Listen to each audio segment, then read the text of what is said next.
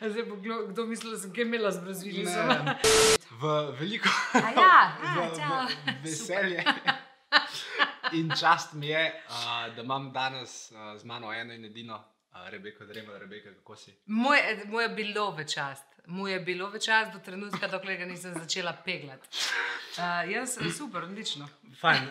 Uh, in lej, lahko bi, lahko bi tle na uvodu v bistvu govorila o, o velikih stvarih. Lahko bi govorila o tem, da si pravzaprav ena izmed najbolj prepoznavnih pevk in prnas in v bistvu v sosednjih državah. Lahko bi govorili o tem, kaj vse si kot podjetnica dosegla. Lahko bi tudi govorili, da v bistvu od vseh teh stvari, aktivnosti v zadnjih letih, da si postala ena izmed najbolj vplivnih slovenk.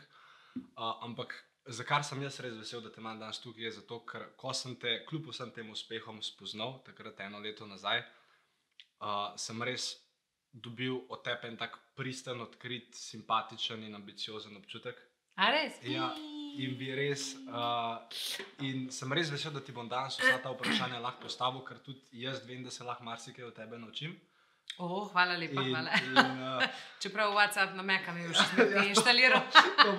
Ampak. Uh, ja, lej, um, uh, torej, veliko enih predelnikov je, s katerimi te lahko pišemo, ampak če bi ti morala opisati samo sebe danes, kdo je Rebeka Drema? Da, eh, mislim, tako, zdaj, v tem času. Zdaj. Misliš? um, Rebeka Dremelj, brez škaler. Ne?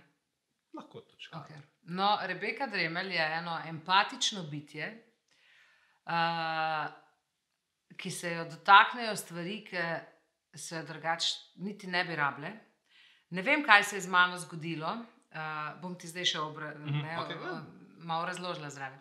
Ne vem, kaj se je v bistvu z mano zgodilo. Jaz včasih sem izdelala, da sem imela tako, tako zelo, zelo trdo kožo in da se me je zelo malo stvari dotaknilo. Potem se je pa kar naenkrat zgodila ena preobrazba. Jaz ne vem, je bila to ta bolezen, ki me je tukaj zaznamovala ali karkoli. Skratka, jaz. Meni se zdi, da sem jaz eno, uh, odnegdaj sem tako, da sem skrbela za druge ljudi, pa tako, pa da sem bila empatična, ampak se mi zdi, da sem pa zdaj tako res uh, kar uh, overdosno. Se mi zdi, da se vsaka stvar tako dotakne, da zdaj trenutno delam na tem, da bi mal se distancirala od problemov drugih ljudi. Tako da to je, to je prva stvar, recimo. Uh, druga stvar, um, Rebeka je. Um, Jaz mislim, da uh, ena taka iskrena oseba, ki eh, res v svojem življenju skoraj da, bom rekla, čisto nič več ne igra. Mhm. Skoraj da sem uporabljala zaradi tega, ker zelo veliko krat pride, prideš v svojem poslu. Uh, Vsi mi pridemo v svojem poslu včasih do situacije, ker enostavno ne moremo čisto vse povedati, kar komu gre, ne? ampak moramo kdaj kako stvar zavideti v celofan ali tako. Med drugim tudi, recimo, vem, socialna omrežja oziroma družbena omrežja so tudi eno igranje, ne? ni vse tako zelo mm. ena velika realnost. Tako da mogoče zato rečem, da skoraj da nič več ne igram. Uh, predvsem je pa Rebeka ena um, ambiciozna oseba, ki um, je trmasta, ki gre zelo veliko krat z glavo skozi zid, kljub temu, da že vsi obupajo, pa že vsi rečejo, to se ne da. Jaz še kar ne verjamem, da se ne da, in na koncu gleda zlomka se v 95% vedno pokaže, da se da, da se je dalo. Uh, zdaj pa če tle zraven pri Rebeki Dremelj dam še pa škaler, ne? pa mislim, da sem ena um, zelo, zelo ljubeča mama in pa žena. No, žena včasih malo manj ljubeča, ampak mama pa absolutno zelo ljubeča Okay. in predana. Fajn, To je to. lepo. In- Si zadovoljen z odgovorom? Ja, ali? s- s- s- Aj, sem. kaj druga pričakovala. ne, ne, ne, ne, ne, v redu, v redu. V redu. Uh, okay, če se, to je danes. Ja. Če se pa vrnemo za moment na Senovo, Ja, v osnovnošolske dni. ja. Kaj je Rebeka takrat razmišljala, sanjala, si že takrat vedela, da bo šla po tej poti, ali si takrat hotela biti, ne vem, astronaut? Veš kaj, jaz sem imela, jaz sem, zdaj opažam, da je moja starejša hči Jana tudi zelo, zelo pomembna. Jaz sem hotela vse živo probati. ne. In v bistvu nobene stvari pa nisem skoraj da v osnovni šoli do konca spalala. Mhm. Kar je to za me tako trenutno zelo netipičnega. Ampak očitno sem mogla kot osnovnošolka vse eh, nekako poizkusiti, glih zaradi tega, da sem se našla in da sem videla, kaj bi jaz v življenju res rada počela. Jaz sem ena taka zelo neverjetna, neverjetna moja želja, da sem si skušala biti spidvejistka. Veš, mi, imamo, mi imamo v Krškem Speedway, ja. mi imamo v Krškem Speedway, ki je zelo, zelo popularen. Jaz sem začetom skozi hodila na te Speedway tekmene. In jaz sem ure gledala in meni. Eh, veš, in takrat je bilo še tako, da ti je tisti pesek in to včasih, če smo bila na kakem stojišču, celo vrglo v obrazne. Uh, in jaz sem skozi sanjala o tem, da jaz bom enkrat spidve vozila. Potem sem hotela biti kolesarka, ker je bil moj brat kolesar. Uh, Uh, ne bom nikoli pozabila, moj oče je bil napovedovalec, mislim, ima malo tu časa, ti lahko to poveš. Ja, boj, boj, boj. Moj oče je bil napovedovalec kolesarske tekme, brat je bil kolesar. Jaz, mislim, ampak trmasta sem pa že bila. Ja. In sem se jaz odločila, da bom šla uh, tekmovati za pionirčki, se pravi za tistimi, ki so v bistvu se šele začeli profesionalno ukvarjati z kolesarstvom. Ne? Ampak oni so že imeli vse treninge in vsi so imeli tiste pač profesionalne kolesa, kolesarska in vsi oblečeni v kolesarsko opremo. In pa zdaj Rebeka Dremel zraven, ker mi pač oče zrihto, ja. da jaz lahko z njimi pač tisti en krok tekmujem. Ne? Ampak verjameš le, da jaz sem vse tiste kolesarčke nabrisala, ne? jaz sem zmagala, ker moj fotor je stal gor, je bil pač napovedovalec in ko je stal gor na odru, in je govoril, kdo bo zdaj prišel, prvi krok se je prpel, o, o, moja hči, jaz pa na mountain bikeu. Ja, Ampak jaz sem bila tako zagrižena, da sem tako golna, da res ne vem. Še danes ni jasno, kako je to možno, ampak jaz sem v glavnem potem hotela biti kolesarka dolgo mhm. časa. Mm -hmm. Pa sem hotela rokomet, pa sem rokomet trenirala, pa sem hotela biti rokometašica, pa se pač tudi to uh, mi ni um, nekako izpeljalo. Pa sem hotela igrati klavir, pa ga pol nisem, sem se odločila za citre, ampak pol tudi citr nisem igrala. Tako da, lej, pela sem v pevskem zboru, pa me je učitelj ven iz zbora vrgu. Uh -huh. Wow, uh, ja, zaradi tega, ker smo z eno uh, prijateljico razgrajali, oziroma delali pač, uh, ne dvomim, neko ja. neumnost. Ja. Uh, mislim, da je tako, pogovarjali smo se pa ne vem kaj, ampak v glavnem takrat so bili drugi časi. Ne, ta profesor za glasbo je bil uh, zelo netoleranten do otrok, uh, tako da nas je me iz zbora vrgel, tako da pol nekaj časa nisem mogla v zboru pet. Skratka, vse živo pa nič v bistvu. Uh, sem si pa skušala tako potihem postati pevka, tega, ker je bil moj oče glasbenik. On je, bil, on je igral bas kitaro in pa bil je tudi uh, pevc. In jaz, ki sem očeta gledala gor na udru, sem si skušala jaz tudi nekaj od tega delati. Ampak pač te ambicije so se pa tako v resni meri pokazale kasneje. Mm -hmm. Kako pa je prišlo pol do tega switcha v manekenstvo? Uh, ja, še to. ja, mislim, da to si pa delala. No, to sem pa pozabila, ja, ja. ja. Se, to sem že delala v osnovni šoli. Aha, okay. Um, jaz sem bila stara 13 let, ko sem se začela z manekenstvom ukvarjati. Se pravi, to je še bila osnovna šola. Ne, ja. ja. uh, ne vem, kako je prišlo do tega.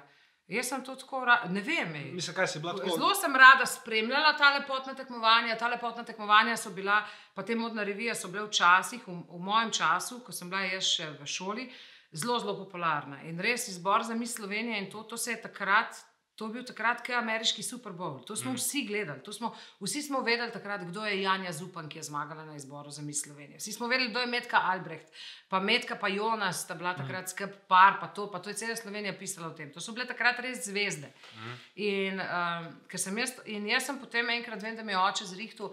Glih izbor za Miss Slovenija je bil v Čateških toplicah in mi je oče zrihtel, da smo šla skupaj gledati. Uh, nisva sedela, sva imela stojišče, v zadnji za kamero. In ko sem jaz te lepotice takrat gledala, vem, da sem si samo želela, jo, kaj bi jaz dala, ko bi jaz lahko bila enkrat v življenju tle z njimi. Ne? Ampak potem se je zgodil preobrat pol leta ali pa maksimalno eno leto in sem z njimi že delala modne revije. Ampak je res, da sem imela ful veliko podporo svojih staršev. Moja, moja starša sta zelo predana tako meni kot mojemu bratu. Ne? Brat je bil profesionalen kolesar in to je res oče in mama sta živela za tisto kolesarstvo. In pri nas, recimo, ko sem se jaz hodila začeti ukvarjati z manekenstvom, mi nismo imeli uh, nobenega manekenskega tečaja. In je se moj oče odločil, in on je meni iz novega veselja vozil. In to je, bilo, to je bilo uro pa pol vožnje v eno stran, pa uro pa pol vožnje v drugo stran. Pa še tam me je mogel dve ure čakati na manekenskem tečaju. Jaz ne vem, nikoli pozabila, da je imel neko malo televizijo na akumulator, to je neki preštekel v akumulator, in je on gledal Formulo 1 na tisti črno-beli mali televiziji, ampak televizor, to je bil tako dolg, da Ja, ja. niso bile plazme. In je on imel na armaturi gor tisto televizijo, ta čas, ki je mene čakal na manekenskem tečaju. Mislim, tako, zdaj, ki danes gledam, res sta bila požrtvovalna in, in, in, in sta v bistvu. So bile najne sanje z bratom, so bile njune sanje. Ne? Ker če me oče takrat ne bi Ja, vozil na valjda, ja. manekenski tečaj v celje in to se jaz nikoli ne bi z manekenstvom ukvarjala, jaz verjetno nikoli ne bi bila mis in tako naprej. Ne? Tako da, eh, ja, no, viš, ampak to sem spustila, to sem pozabila, da sem že to delala. In, po, in potem, leta 2001, Ja. si dejansko zmagala na Ja. Sloveniji, ja. mi gre čestitke. Oh, Bravo. hvala lepa. Bravo. Uh, in, in jaz, vem, da si enkrat rekla, zato ker sem pred, pred tem pogovorom zelo veliko tvojih stvari poslušal. In tudi vem, da si rekla, da ne smeš vedno verjeti tega, kar nekje nekaj piše, ali pa kar naj bi uh Mhm. -huh. nekoč uh -huh. mogoče dejala, ampak uh -huh. vseeno jaz ti bom prebral. Uh, ne, v enem članku je bilo tekmovanje, po, po, po, po izboru ja. tekmovanja sem se udeležila zato, da si pri sebi odgovorim na vprašanje, koliko lahko s svojim značajem in zunanjostjo dosežem. Izbor za mis, mis je le potrditev moje osemletne manekenske kariere.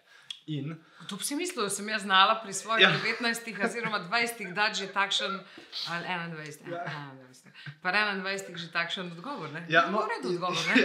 Meni me, me, me se je zdel smiselen. Rad bi te vprašal, a ti si dejansko to zmago pričakovala?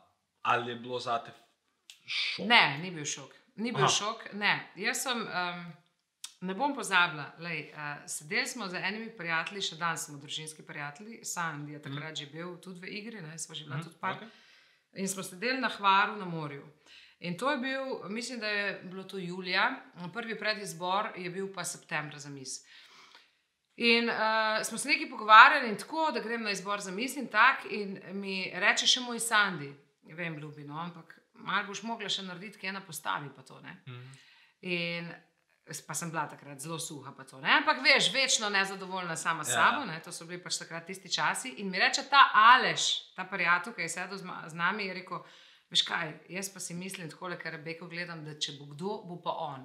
In jaz sem takrat pogledala in rekel, zdaj se vi norci, del, mislim, če bo kdo, bo pa ona. In jaz sem jih tako pogledala in rekel, zdaj se vi norci z mene delate, ampak jaz vam zdaj povem, da sem zmagala na mis.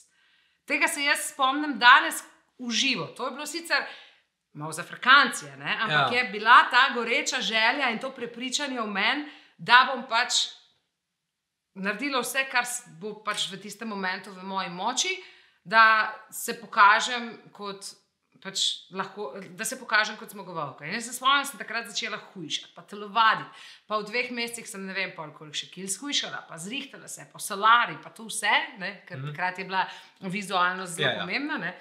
Uh, sem pa bila tako, da sem pa res, uh, jaz sem od nekdaj imela, meni ljudje pripisujejo eno tako karizmo. Ne, da, uh, veliko krat mi ljudje rečejo, da recimo, če si nekje v kafiču, pa da jaz stopim v kafič noter, da se ljudje obrnejo, da vidijo, da sem jaz prišla. Ne. Ampak to imam pa verjetno jaz že od rojstva, ne. to pa, to pa sem takšen karakter, to pa ne moreš priučiti. Ne. Po mm. moje, ali si takšen ali pa nisi. In jaz uh, se spomnim, da jaz, ki sem bila tam na izboru za mis, jaz sem bila skus. eh, Zelo ne samozavestna, nisem bila prepričana toliko v svojo zmago, kot sem sama sebi dopovedovala, da lahko zmagam, da lahko zmagam. Sem imela en kupenih svojih favoritk, za katere sem bila prepričana, da bojo zmagale. Ne? Ampak zanimivo, da vsem unim starim puncem sem bila pa jaz ena izmed glavnih favoritk. Ne? Tako da so se očitno ob meni počutile malo ogroženo. ne. Ja, Uh, z razlogom. ja, Kaj, očitno oč- res. ja. Očitno, očitno res. In Očitno res. ta zmaga je potem prišla. in- Čeprav meni je oprosti, meni je danes to smešno. Veš. Jaz zdaj, ki gledam nazaj na izbor za mis Slovenije, um, mislim, takrat je bila to moja goreča želja. Ampak zdaj, ko jaz študiram, da bi se moja katera od hčerk spravila na lepotno tekmovanje, katera je lepša, jaz sploh ne vem, če bi jim to pustila. No. Mm. Uh, mislim, po eni strani bi si želela njune želje upoštevati, ampak po drugi strani mi je pa to mogoče tudi zato, ker je pač to tekmovanje ni več tako pozicionirano, kot, je bilo včasih. ne. ja. Ampak, veš, mi smo tekmovali, kje je lepša, ker je to pomembno. Veš, ampak takrat se nam Ja. je to zdelo pomembno, očitno. In tista zmaga, jaz sicer ne vem, ali sem bil kot otrok pač tako popoln test, testosterona. mi Ne rabiš, da jih povedal, da si bil takrat še otrok. Ne, pa Prav. se, sedem sem, sedem sem. Ampak ne, jaz, jaz, jaz se tega, imam pa dober spomin za ene stvari. Tega se, sprav spomnim se, vem, mislim, takrat prvič je moja glava bila seznanjena z Rebeko Dremel. Ampak jaz nikoli nisem bil, da temu reči, fan, oboževalec. A, Okay, takrat Do prvič. zdaj ne. no, do danes. Uh, jaz sem takrat prvič videl za Rebeko mislim, Prvič slišal, prvič pač bil seznanjen. Potem pa so bile eme, štirikrat zapored, oziroma tri zapored, pa eno Mhm. leto ne, pa leto 2008 si zmagala, pa leta 2009 si pa mislim, da prišla spet nazaj na emo. No, je to super, kaj te prije, zato ker vidim, da ti to več veš, kaj Ja, jaz, no, jaz to okay, na, spomnim nazaj na emo, no, ampak pa, pa, pa veš to. Pa, okay, ampak jaz se pravim, je- mene ni ta prostor zanimal, ampak jaz sem te videl, nekako nekak si prišla do mene. A si ti tudi not padel, si bila tam, sem te spet videl. Prežgem Pink TV, ko sadže, si bila tam. In bolj, da to ne je bilo dost, ker takrat sem veliko televizije gledal. Pa, v bistvu moja dva starša, ki sem bil star 10 let, uh, sta šla na razen živeti. In v bistvu uh, fotor je bil v Nožalah, mat je bila v Vodicah in vsakeč, ko sem se pel iz Vodic do Nožal, torej vsak vikend, je bil tam en unres, po mojem, ene 15 krat 15 plakat za neke strehe, kjer je bila? Rebeka tole z, z, z, z, z svojim delfinčkom. In, in, in dejansko sem te, mislim, povsod videval, potem itak, uh, pol še radio, ne tvoji komadi, potem zdaj, ki je social media, se tam začneš prikazovati. Skratka, meni se zdi, mislim, meni se zdi fascinantno to, da ti res, ker imaš veliko ljudi, ki v Sloveniji uspejo, pa, so, pa eno leto imajo nek spotlight, pa pa se veš, grejo. Ti si dejansko na sceni tako ali pa drugač, odkar si začela. Sem ja, to je res. Ja. In mene zanima, ali je kakšen, je kakšen trik v tem, ali kako, kako ti to uspe. Pa veš kaj, jaz mislim, da ni trika. Jaz, predvsem, eh, jaz sem se odločila, da je to moja služba. Jaz sem sicer eh, na zmagi za mis eh, dobila eno fajno odskočno desko, da sem lahko začela delati v glasbi in potem nasploh, kar je glasba pač se sabo potegnila, še vse druge veje šov biznisa. In jaz sem potem, ko sem enkrat v ta šov biznis padla noter, je to postalo moja služba. In če ti postane služba, pač v to službo hodiš. In ker ti v službi pri eni aplikaciji nekaj zaštrika, boš neko drugo probo nekaj narediti, da ti bo pa vseeno Ja. delalo, pa da boš to vseeno lahko delo, kar delaš. Ne? In tako je bilo isto pri meni. Jaz sem pač sam sama sebi razložila, to je moja služba, od tega jaz živim, od tega enkrat, ko bom imela otroke, bo živela moja družina, bla, bla, bla. In jaz tle zdaj ni za frakancije. In jaz to nisem imela kot nek, mislim, zelo sem bila privilegirana, oziroma sem še vedno, da lahko hodim v službo, ki mi je zanimiva in ki rada hodim v to službo. Ampak jaz sem to imela striktno ločeno, kljub temu, da so te meje na vzven zgleda, da so vse zabrisane, ampak sem imela striktno, vedno ločeno postavljeno mejo. Služba pa družba. In, in ko so nekatere zadeve pri tej službi zaškripale, da veš, kaj glasba je šla, včasih je bila gor, sem imela recimo kakšen hit, karkoli, potem je padlo dol, pol, sploh recimo pri moji bolezni. Uh, takrat ti je bilo eno leto, ker skoraj nisem imela nobenega nastopa, niti nisem mogla pet, niti nič, glasilke sem imela čist, ah, sem kar tako govorila. Skratka, sem mogla nekaj v tej službi se novega spomniti. In zato me vsi pravijo, pa ti res, ti se non-stop neko toplo vodo odkrivaš. Ampak to je moja služba. Jaz od tega živim. Jaz si zdaj ne predstavljam, jaz, jaz nisem več v fazi, jaz sem stara 40 let. Jaz nisem več v fazi, da bom rekla, ok, če to zdaj vse propade, bom pa jaz šla nekam delati ali pa bom jaz, kaj bom jaz delala. Veš, to je moja To služba. je to. In jaz to delam, jaz to rada delam in zato delam več stvari. Je pa res, da me oče in mama sta me vedno učila, ne dovoli si, da ti samo iz ene pipce prtaka voda. Mej več pip v svojem stanovanju. Ne? In je to dejstvo. In zato sem jaz, zato je me tudi takrat Juri Zrnec poimenoval kot multipraktik, ker jaz sem že takoj v štartu, ko sem začela delati, sem že delala dve stvari naenkrat. ne. Ali pa tri. Uh, ker mi je bilo vedno super, da mi iz večjih koncev pritaka nek določen denar, ker če se tam ena pipca zapre, je še vedno imam nek vir nekega dohodka, da lahko dostojno in normalno živim. Ne? Ampak je pa dejstvo, da to za sabo potegne res veliko dela, veliko odrekanj, veliko neprespanih noči, veliko sekarancije in tako naprej. Uh, ker um, najlažje od vsega, jaz osebno mislim, ker se pač ukvarjam tudi s tem, je iti na oder in pet. To je najlažje od vsega. In to bi jaz lahko počela dan in noč. To bi lahko skozi delala. Ampak pač tega posla in tega denarja ni non-stopne. In če ti računaš samo na to, je potem takrat, ki si gor, je to super. Ampak kaj bo pol, ki padeš dol, se pravi, se vse pipce zaprejo in kaj zdaj? Čičaš in čakaš, kaj se zgodi. In potem ljudje padejo v depresijo uh, in marsikaj podobnega. No, meni se to ni zgodilo, ker sem bila skozi okupirana z 300 timi stvarmi. Torej, v zadnjih, mislim, okay, torej, največji, da temu rečemo, padec v zadnjih 20 let. Torej, nisem imel vmes no, nobene ne, krize, ne vem, da bi šla na droge, da bi se ti čez zmešala. V življenju verjameš, da vidiš, da ima tako zelo iskren intervju. In sem ti marsikaj povedala, kar ja. že 20 let nisem govorila o tem. Ampak, verjameš ali ne, da jaz v svojem šovu biznisu v življenju nisem srečala druge? Oh. V življenju ne, res ne. Jaz v življenju nisem fizično videla druge cigarete, ja, pa čokolado. Yeah. Vse ostalo, jaz v življenju fizično nisem videla, nikoli in nikdar.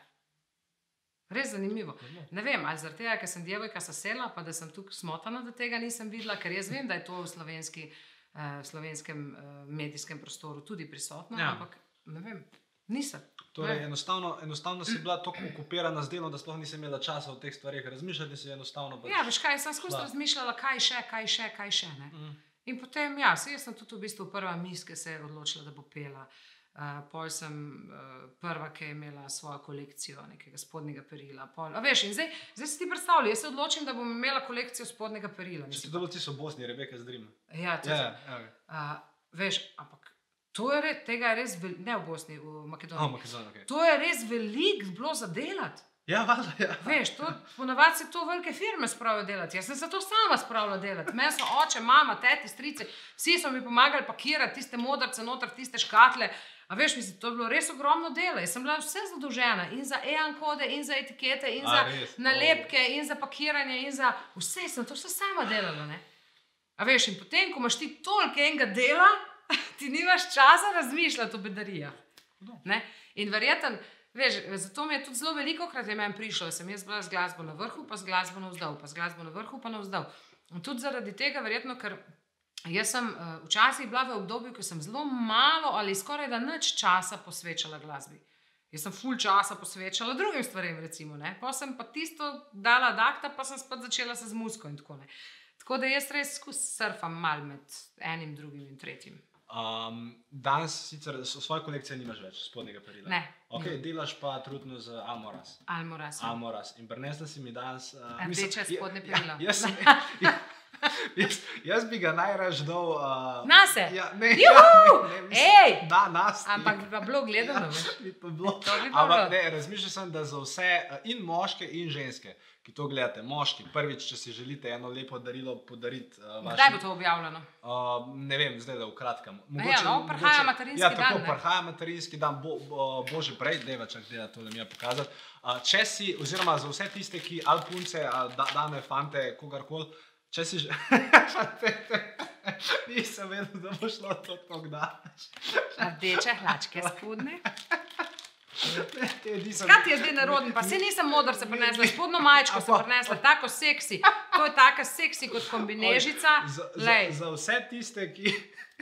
Le, kako lepo. No, čudovito. No? Za vse tiste, ki bi uh, rade to dobile, sporej pod tem YouTube posnetkom na telefonu, malo nižji na računalniku, tako je spori, uh, je prostor za komentarje. Uh, sporej samo napišite nek kratek feedback na ta intervju, ali pa ena stvar, ki vam je bila, ali pa ena stvar, ki vam je pa Rebeka všeč. Si kam napišete, Rebeka je carica. Rebeka je carica, pa je to to. Uh, in od vseh teh, ki boste vdali komentarje, bomo že rebali enega ali eno, ki bo dobil tole in lahko to ali ne. To štiš rebu, jaz sem. Ja, ja, ja, ja, ja, seveda okay. ti imaš druge, druge stvari, uh, tako razporedno komentar, da pa se mi premaknemo naprej iz um, spodnjega berila. Uh, jaz sem poslušal med drugim tudi tvoj pogovor z uh, Boštjanom Romihom, ki si ga imela v Zadrku zvezdami dolg časa nazaj. Ja, sem bila, jaz sem lahko zadnjič. Ja, sem bila 2013. Ja. A in, res? Ja, Boštjan že. Ja, Boštjan, zdaj ti da ponoviva.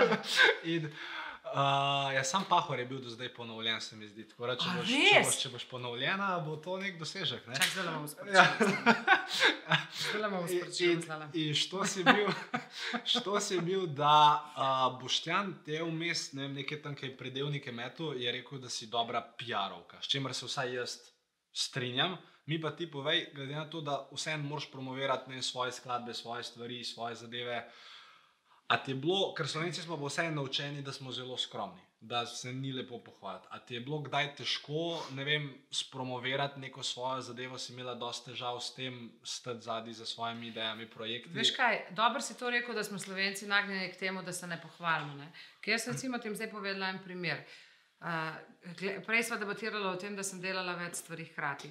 In se mi je veliko krat zgodilo, ne, uh, da so tle mi dali jasno do znanja, uh, kaj zdaj hočeš biti. Ne? A hočeš biti pevka, a hočeš, biti, a hočeš igrati, ali hočeš plesati, ali hočeš prodajati modrce, kaj hočeš biti. Jaz sem bila uh, v Bosni na televiziji Hayat, uh, kjer so mi namenili več kot eno uro uh, pogovora z mano, pa malo o moji državi in tako naprej. In ona ženska začne razlagati, ne, da, da je Rebeka Dremel, ko je bila misica, pa pjevačica, pa a ja, ti ne govoriš, kaj imaš. Ne, govorim, govorim. Misica, pa pevka, pa, ne, pa vse to. In uh, jaz njej rečem, um, poslušajte, ampak deva mi dve samo rajš reči, da sem jaz samo uh, pevka, oziroma da jaz živim samo od glasbe. Ker sem pač zafrustrirana od naših novinarjev, ker ne vem, kaj bi rada bila. ne. Ja. In ona mene tako pogleda in reče: A dobro, Rebeka, zašto se vi stidite to vaših uspjeha? Zakaj je, va, zakaj je vas sram vaših uspehov? Zakaj je vam nerodno vaših uspehov? In takrat mi je ona dala zamisliti, pa dobro, kaj meni za en vrak res. Jaz sem vse to naredila, jaz vse to sem, mislim, in komu na čast, zdaj jaz sem lažno skromna. Zakaj rabim jaz zdaj lažno skromna biti, zato da bom jaz nekoga zadovoljila? A sem igrala v določenih predstavah? Sem. A sem igrala v filmu? Sem. Sem zato igralka? Nisem igralka, niti slučajno, ampak sem pa to delala. A sem pevka? Sem pevka. A imam spodne perilo? Imam spodne perilo. Mislim, a veš, zakaj bi, zakaj bi zdaj bila lažno skromna? In sem to nehala biti. Nisem več lažno skromna. Fajn. A Sem kje- kje- točno to, kje- kar sem. Kjer ga leta je to bilo? 20, 29, 28. Uh, leta 2010. Aha, in od takrat naprej 2010. v glavi. Ja, mi je rado svič v glavi in čakaj, ampak vprašanje je bilo pa nekaj okrog Romiha, zakaj sem ti to začela razlagati. Ne, ne, ne, če, če, če si imela kdaj, torej od takrat naprej nimaš več težav, da se znaš pohvaliti. Ker Ne, bomo saj. To- Vse, sem nekaj drugega smo hoteli vprašati. Ja, če si kdaj, kdaj imela težave s tem, da bi Aha. si pač upala pohvaliti kakšne svoje stvari Ne. in spromovirati? A ja, za, za PR-ovko, ja. Ja. ja, to si me vprašal. Ja. No, in potem in, uh, nisem imela težav s tem, da če sem jaz zdaj kje rabila. Mhm. Uh, da sem poklicala koga in sem rekla: Poslušaj, rabim pomoč, želim, da mi ti to objaviš, ker želim pač to zadevo spromovirati. Ampak dejstvo pa je, da jaz sem človek in to bi lahko se vrnili tam nazaj k unemu pisu pri prvem vprašanju. Jaz sem človek, ki pa res nikoli, nikoli ne pozabi, da mu je kdo naredil uslugo. Jaz ne pozabim vrniti usluge. Meni se je ravno zadnjič zgodilo, da sem enemu že ta desetič mesec poslala stari, jaz sem tebi dolžna še uslugo, kdaj mi boš kaj rabo. In mi je napisal, ti si najbolj tečno bitje, sprijazni se s tem, da sem ti nekaj naredil in gotovo, sva rešila. Jaz enostavno, če mi nekdo naredi uslugo, jaz želim in ne pozabim in želim to uslugo vrniti. In kadarkoli so novinari, ki od mene rabili, Veš, ker jaz se zavedam, da novinarji pač morajo napolniti tisti svoj časopis. In veliko krat je bilo do tega, da jim, da jim je manjkala kakšna novica ali pa kaj. In se je veliko krat zgodilo, da je mena novinarka klicala, hej, Rebeka, dajmo nekaj narediti, prosim te, nekaj mi povej, dajva nekaj rabim. Ja, pa sem se bolj, pa tudi jaz, oziroma sva skupaj dale možgane, pa sem se spomnila, aj deva to zdaj nekaj narediti, ali neki intervju, ali karkoli, ali ne vem. Razumem, ne. ja. So poslali nekoga, da je neki sliko brez veze s kolegico na kavi, pa je bila novica, da je Rebeka na kavi. Ampak samo zaradi tega, ker je ona to rabila. Ampak jaz sem vedela, da naslednjič, ko pa jaz rabila, bom pa tudi lahko rekla: hej, stara, poslušaj, mm. zdaj sem ti to uslugo naredila, zdaj pa jaz rabim. Mm. In jaz ne, vem, jaz ne vem, če bi se temu lahko reklo, da je to dobro PR-ovstvo. Jaz bi predvsem temu rekla, da je to dober medsebojni poslovni odnos. Ti meni, jaz tebi. In to je to. Win-win kombinacija, točno tako. Ok, in uh, ker so že glih pri PR aktivnostih, imaš svoj blog, nepremagljiva.si, Ja. ki je eden izmed, ena izmed 50 najbolj obiskanih spletnih strani v Sloveniji. Ja. Uh, mi, mi grede, tako je, res je. A res je, hvala. In, in uh, imaš vsem, ki noter, be, drugače a dej, pa še to, no, pa dej, no. In, Ne ti, Nastja, on. in, in uh, no, uh, če se, če se pa zgubil. O blogu sva ja, blo, govorili. blogu. Uh, jaz, jaz sem se dejansko od njega zelo velik, uh, jaz sem pa šel razmišljati, analizirati, zakaj hudiča je ta blog tako dobro sprejet, pa tako dobro branjen in sem ugotovil ene par stvari, ampak preden jih mogoče jaz povem, ali pa če jih bo sploh No, tudi, da povej, Ne, čak- zanima, kaj si ti ugotovil. A? Ja, ne, jaz sem ugotovil, da sta, da, da sta dve stvari. Da ena je uh, polariziranost, to pomeni, da ti, ti nikoli nisi nekje vmes, ti se vedno postaviš na eno stran enega problema, ki okay. je. In vedno pač to poveš odkrito, brez nekih filtrov. Dobro. In mislim, da, mislim, da to ljudje zelo cenijo. Ja. Uh, druga stvar je pa aktualnost. Torej, ti vedno se obrneš, oziroma probaš vedno pisati o nekih aktualnih stvareh, uh, skoraj vedno, zaradi česar je potem tudi doseg vseh teh objav, pa teh blogov, dosti večji. Mhm. In v tem, v tem si res mojstrica. Te dve stvari sem jaz ugotovil. In pa smo mi, mi smo dejansko, bila, ker jaz sem, to sem imel v glavi. Potem je ne prejšen, a, ne a, lani enkrat je bila tekma Slovenija-Rusija v odbojki. In pa sem jaz štiri ure po tisti tekmi, četrt finale, napisal en članek in tisto je bil po, po tvojih načelih. Torej, oziroma po tem, da naveže se na nekaj aktualnega in un članek je bil šestkrat bolj bran kot katera koli druga vsebina v zadnjih petih, let, uh -huh. petih letih na naši spletni Mhm. No, jaz strani. sem to vse ne vedel, jaz nisem nobenih analiz. Ja, saj vem, ja. jaz pač to objavim, tisto, kar v tistem momentu začutim. In jaz mislim, da je blog zato tako zelo uh, lepo sprejet in bran. Ker uh, veš, ravno o tem, kar smo spet prej debatirali, ne, uh, naše življenje, neko pod navednicami zvezdniško, medijsko življenje, zgleda na vzven, da je vse to BP, vse je oh in sploh. Ne. Mi imamo eh, lepo hišo, lepe otroke, lepo družino, lep odnos, 20 let sem že z možem, vse to štima, vse to super. ne. Uh, ampak ni vedno tako. Ne? Veš, hiša je velikokrat razmetana, velikokrat se Ja. z možem skregava, uh, veliko krat znorim na otroke ne? in tako naprej. Ni vse idealno. In se mi zdi, da uh, ženske rade to slišijo. Ne? In ko enkrat ena medijska osebnost, pri kateri se ti zdi, da je vse popolno, reče, da ima poln kufr vsega, da bi najraje znorela, da si bom vzela en teden dopusta, pa bom nekam šla, ali bom pa nekoga čez okno fliknila, ne? se takrat mnoge ženske recimo poistovetijo z mano ne? in rečejo, jo, hvala Bogu, tudi ona. Mm. Očitno nisem edina. Ne. Zaradi tega, ker eh, danes je, se mi zdi, da je to novodobno starševstvo, ne, je zelo moderno, da eh, smo vsi BP, ne, da to je vse, naši otroci ne eh, kričijo, ne jokajo, niso nadležni, ne težijo. Ne, eh, Najverjetneje tudi kakajo, pa lulejo. Ja. Yeah. Veš, jaz pa pač povem, da drek mojih otrok fejst smrdi, pika, amen, konc. Ne? A veš, in, in to, je, to je razlika med tem, uh, ali si ti iskren, pa poveš točno tako, kot je, ali pa hočeš to neki vse z mašnicami, pa parfumčki um, pač zdekorirati in pač na zven povedati. Ne? In jaz enostavno res povem tako, kot je, in jaz mislim, da to, zato imajo ženske pač to rade. No. Zato so one to tako sprejele. Ker v bistvu najbolj, p- z- kdaj je blok ratov uh, zelo bran in zelo lepo sprejet, takrat, no, takrat sem se v bistvu odločila, da bom naredila blok, ker sem naredila zapis, um, uh, stara jaz letos ne gremo kopalke. To je bil zapis, ki je bil neverjetno bran, predvsem pa zaradi tega, ker sem jaz eno leto po porodu, ali pa še ne vem, če je bilo že eno leto, pol leta po porodu, tudi sama sebe slikala in pokazala točno tako, kot sem. Vam pa sta celulita, sta uh, tle mi je špek še dol visel, zaradi tega, ker pač seveda sem imela carski res in vse tako. In sem se jaz slikala in vse, kaj gledaj, če grem lahko jaz v kopalke, pa sem medijska osebnost, pol tudi ti nehi težiti mm. o tem, da, veš, kaj. Smo danes ženske res non-stop strmimo k temu nekemu idealu, idealu, idealu, ki pa res ne obstaja. No. Če ti ne delaš 24 ur sam na sebi, ta ideal ne obstaja. Mm. Pa se tudi pri moških, mislim, mislim okay, mogoče v, manj, v malo manjši. Mislim, malo manj ste obremenjeni Ja. z idealom, ker če Ja. ja. ti bi bil z idealom, ne v teh copatih danes, prvi rokah. Tudi miza, mi, miza bi bila. Žlehcem, žlehcem, super si. Zdaj sem, veš, to, jaz sem tako malo, sem žlehc, včasih za nalašč. Ja. Ah, Ja, um, uh, podjetnica, podjetniška karijera. Um, glede na to, da eno, takrat, ko si postala mis, verjetno o podjetništvu nisi kaj dozvedla. Uh, Mislim, se še danes Ja, zdi, ampak, da ne vem, ampak, dosti. okay, ampak po tvojem, mislim, ker vsem in jaz, in marsikdo te dojema kot uspešno podjetnico. Kje tri lastnosti so po tvojem mnenju neke lastnosti, ki jih mora dober podjetnik imeti? In pod vprašanje, a si te tri lastnosti že od začetka imela, ali si mogla katero izmed njih nekako razviti?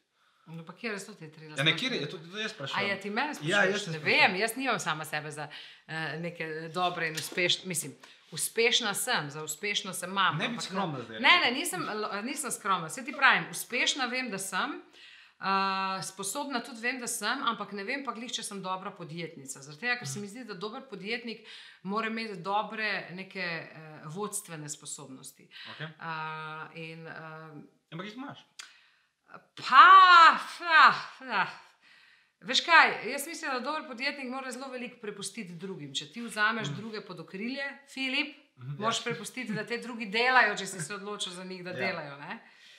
Jaz pa um, vse to kontroliram, ne? vse to moram kontrolirati, vse to moram imeti pod kontrolo in to, in to ni dobra podjetniška oziroma vodstvena lastnost. Ne? Zagotovo, da ne veš, ti moraš znati spust, spustiti stvari iz rok ja, in zaupati ja, ljudem. Na ne. neki točki, mogoče se ne, ne vedno. Ne, Ne, Mislim, vedno, zato, ne vedno. Ampak le- če imaš ob sebi take, ki jim ne zaupaš, pa boš, da jih nimaš ob sebi. Ne? Ja, boš, da dobijo odpoved, ker takoj pa grejo. Ne? Sam, le nekaj, jaz sem, jaz sem uh, ok, torej vodstvene sposobnosti je bila ena stvar. Mislim, ker jaz sem tebe videl, ka, kar je, takrat, ko sem bil pri tebi v pisarni, se mi zdi fascinantno to, s kakšno hitrostjo, kad ti, ki začneš enkrat govoriti, s kakšno hitrostjo to gre. In meni se je zdel, recimo, fascinantno pri tebi, pa pa kar mislim, da bi pa komod bila druga lastnost, pa verjetno se ustrinjala, je pač ta tvoja odločnost. Veš kaj, jaz sem človek hitrih odločitev in, in hitrih idej. Jaz recimo živim eh, v svojem poslovnem svetu res po pravilu, po pravilu petih sekund. To pomeni, da če se mi dva zdaj odločiva, da bo knjigo napisala, pa mi dva zdaj debatiramo o tej knjigi, kaj bi bilo to fajn, da bi bila to knjiga, pa bla bla bla bla. bla. Jaz bom danes, ko bova mi dva zaključila, mimo grede ne bom knjige z njim pisala.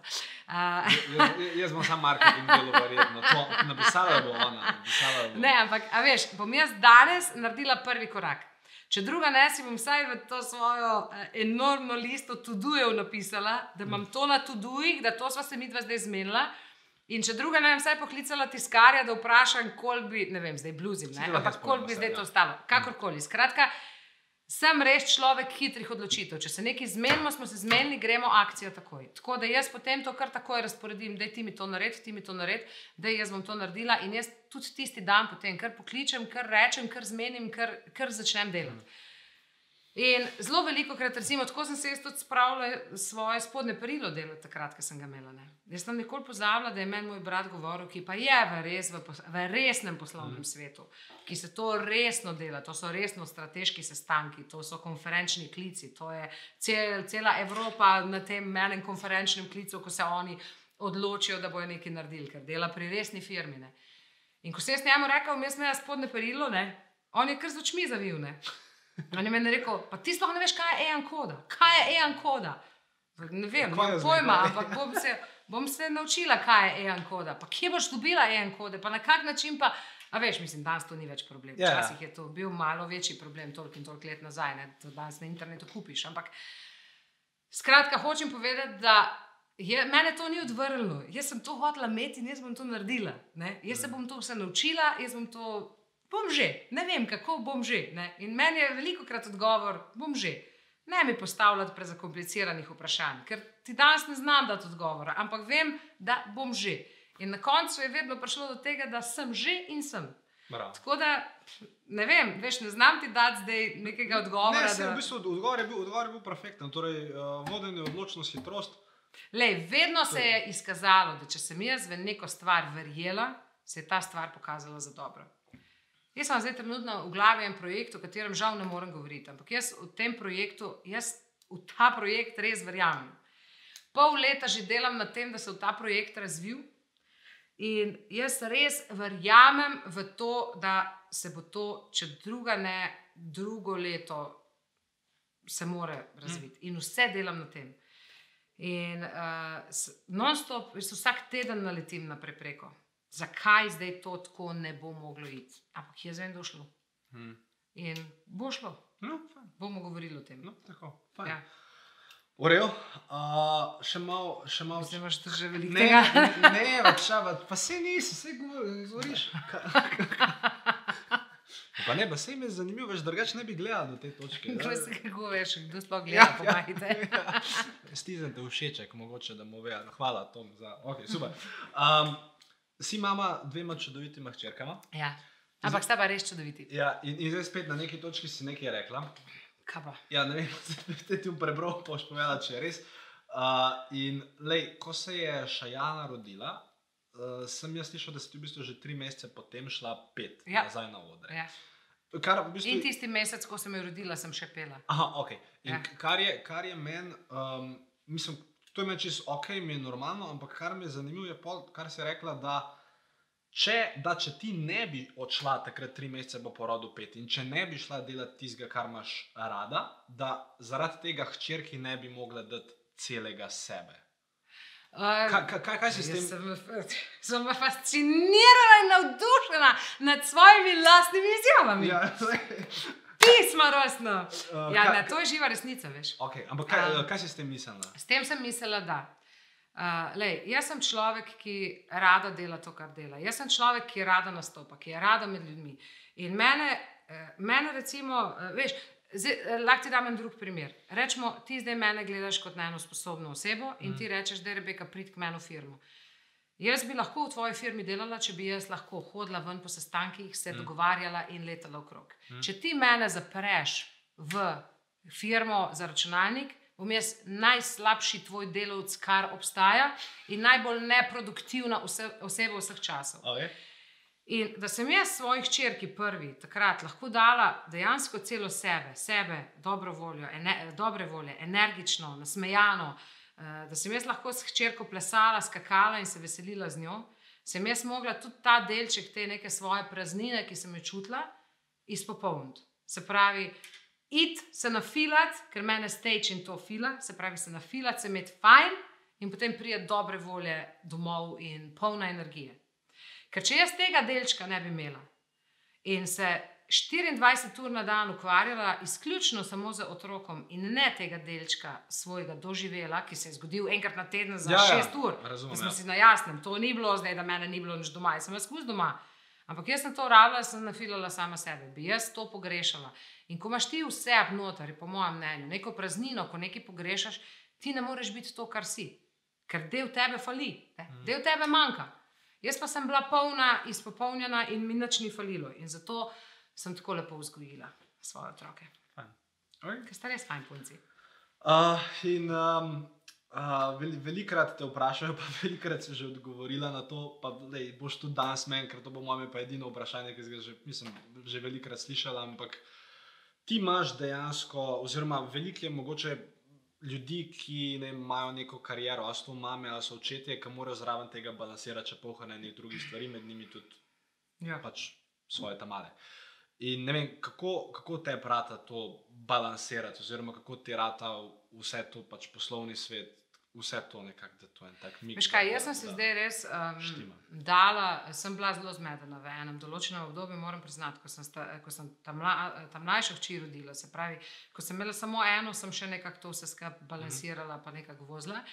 Uh, potem tri leta nazaj, ko sem si jo rodila, uh, so se mi pa začele stvari kar mal, sem pa videla, da ne shendlam več, da, da, je pa, da je pa preveč vsega.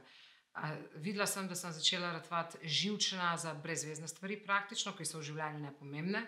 Uh, mot, motle so me stvari, ki me drugače niso motle, in tako in sem videla, da moram nekaj narediti.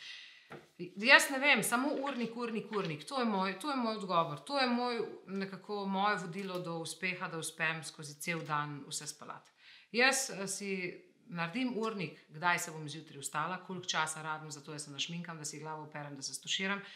Koliko časa rabim, da zbudim hčerke, koliko časa rabim, da poslušamo pesem. Jaz ne grem v šolo, ne, ne grem v šolo, da malo norimo in skačemo na tisto, to je tri minute pa pol, potem se obujemo, potem gremo, potem koliko časa rabim, da jih tam dostavim, potem kaj delam ta dan. Jaz imam vse splanirano, jaz imam splanirano, kaj bom kuhala, jaz imam splanirano, kaj bom, kako, a bom uprala danes stroje perila ali ga ne bom uprala. Jaz danes ne bom prala stroja perila, recimo, ker danes nimam časa za perilo, jaz bom imela jutri čas za perilo, razumeš? Jaz vem, da je to smešno in da potem me veliko krat kdo vpraša, dobro, a, mislim, a je kaj sproščenosti v tvojem življenju. V mojem življenju je ful veliko sproščenosti in pa ful veliko spontanosti. Sploh vikendi so čist spontani, več ali manj, če nimam jaz Ja. yeah. kakih tako obveznosti. Ampak enostavno v tej, v, pri takem urniku jaz sama sebe ne pripeljem do živčnosti. Ker jaz, ki gledam določene mame, se tudi jaz sem kdaj živčna, da smo si na jasnem. Tudi jaz zakrčim na svoje otroke, absolutno. Kljub temu, da nisem pristaš kričanja, ampak ko jaz znorim, pa ko zakrčim, se cela hiša strese. Ampak uh, dejstvo je, da se mi zdi, da danes živimo v enem takem svetu, sploh mi, ki smo v šovu biznisu, to ni služba od šestih do dveh, od sedmih do treh. To je non-stop, to non-stop zvonijo telefoni, to non-stop maili prihajajo, non-stop nekdo pričakuje od tebe, da si dosegljiv in da ta trenutek odgovoriš. In če jaz ne bi imela tega urnika, bi mene vse to preveč obremenjevalo in vem, da bi bila živčna. Ker pa imam urnik in ker jaz ugasnem ob treh ali pa ob pol štirih telefon, oziroma ga ne ugasnem, ampak ga dam tam na eno polico in vsake tu cajt sam pogledam, aha, eh, Filip me je klical, malo ne pomembno, bom poklicala jutra. To pa potem, Ja, se ve, ve, ve, vedno se. Ta-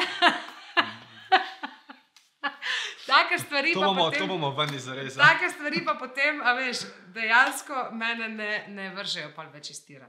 In zato mi je pomembno, da živim, v bistvu moje življenje je urnik, res je urnik. Ampak, ampak, ampak si ga samo ustvariš. Sama si ga No, ustvarim saj, to in je je super, glej, super mi je. Zato, ker recimo, meni se ne da hčerko peljati recimo v glasbeno šolo in potem čakati, tam eno uro čakati. Zato, ker me doma preveč dela čaka. In vem, da si zvečer ne bom mogla pogledati recimo enega filma, ki me bo sprostil. Jaz peljem hčerko v glasbeno šolo. Grem domov dati perilo, ker imam pač to v urniku, in uno zložim ven, in grem po hči v glasbeno šolo. In prijem nazaj domov, in sem se pravi že naredila to, kar bi načeloma potem mogla zvečer, ker ne, ker se ob devetih se bo pa začel en film in jaz ga hočem gledati. A veš, in če ne bi imela tega urnika, bi šlo vse v maloro. In jaz bi bila žalostna, ker nisem mogla pogledati tega filma, a tako sem si ga želela pogledati. Da, vse imamo, prevrtiš nazaj, ne? ampak okay, da ne razumem. bo človek Ja, ja. mislil, da sem tako nezmodernizirana. ampak to hočem povedati, da če imaš nek urnik, potem življenje lahko teče. Lepo. Fajn, fajn. Okay, tri, tri hitre vprašanja za konec. Ja, še ne brez. no, no, dej, dej. Uh, na kater projekt v svoji karieri si najbolj ponosna in zakaj? Na projekt mama. Projekt mama. To ni vprašanje sploh. To so bila hitra vprašanja. A ja, tako, moram tudi hitro odgovoriti. Ja, okay, na projekt mama. Good. Zakaj? Ja, zato, ker si mama. Okay, redu. kako, kako bi bil naslov pesmi, ki bi opisala tvojo dozdajšnjo pot? Lahko je to pesem, ki so že napisala, ali pa če se nek naslov potegneš kar iz neke. Kako bi bil naslov pesmi, ki bi opisala Rebeka Zdremer? Ena kolegica, eh, moja bivša menedžerka, je rekla, da bo napisala knjigo Moje življenje z Rebeko Dremelj ali krutost ne pozna meja. Aha, Uh, Tako da mogoče bi izhajala iz iz tega. tega. Ta bi se, A, ta bi referendum. Ne, veš, kak bi bil naslov. Uh, mislim, da je že bil. Še verjamem. Mhm. Ker jaz res verjamem v, v stvari, da se zgodijo, če v njih res verjameš. In če imaš dušo, ima pa dušo, a, dušo. Če imaš srce, pa če imaš srce na pravem mestu in če imaš to neko voljo, ne, uh, pa se mora zgoditi. Pa se mora zgoditi, ne more, da ne more, se mora zgoditi. Ker če ti energijo usmerjaš v neke, v neke projekte, v neke stvari, ki te izpopolnjujejo in ki te delajo močnega in zadovoljnega, se ti stvari morajo zgoditi. Če pa ti sediš, pa čakaš, pa jamraš, pa, pa, pa samo gledaš druge, pa študiraš o tem, zakaj unija ti pa ne, le se ti pa nov v lifeu zgodilo to, kar si želiš. Mhm. In to, to je to.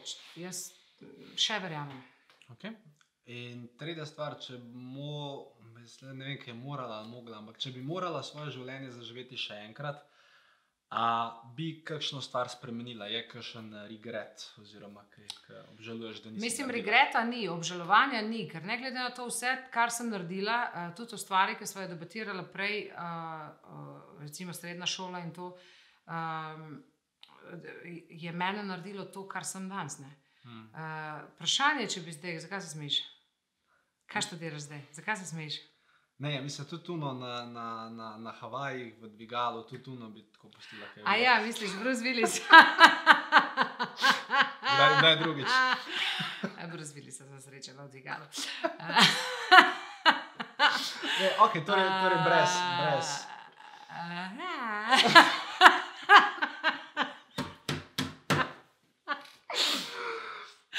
Zdaj bo kdo, mislil, da sem kaj imela z brazilcem. Ne, Nič nisem imela, morda pa bi lahko, ne. Uh, ne, um, prema, ker res nim temam.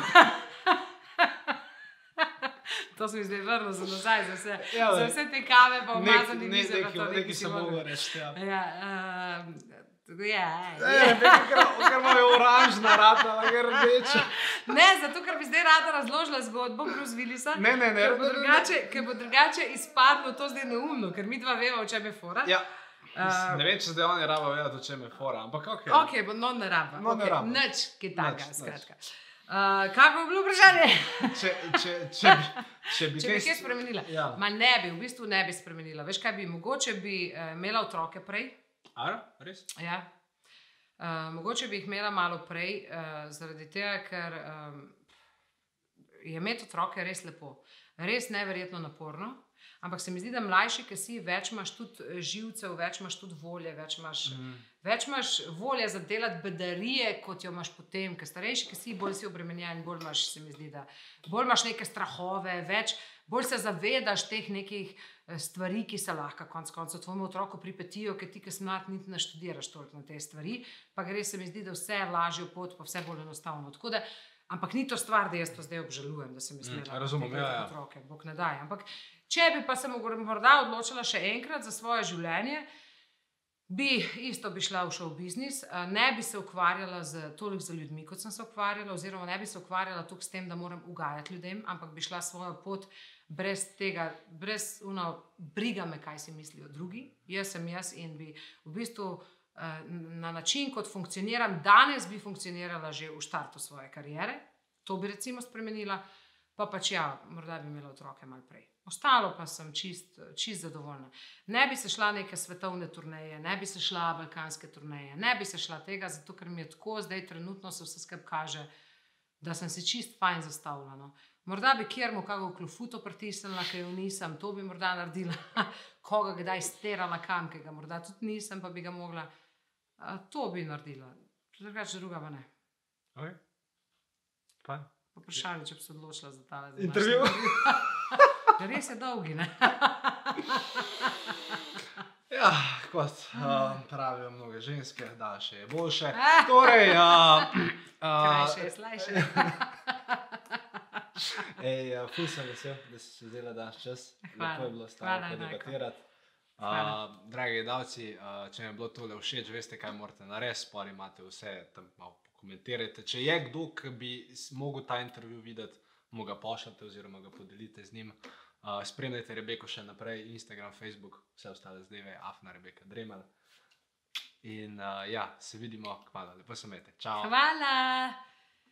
Kaj boš mi dal vodo, še malo, prosim?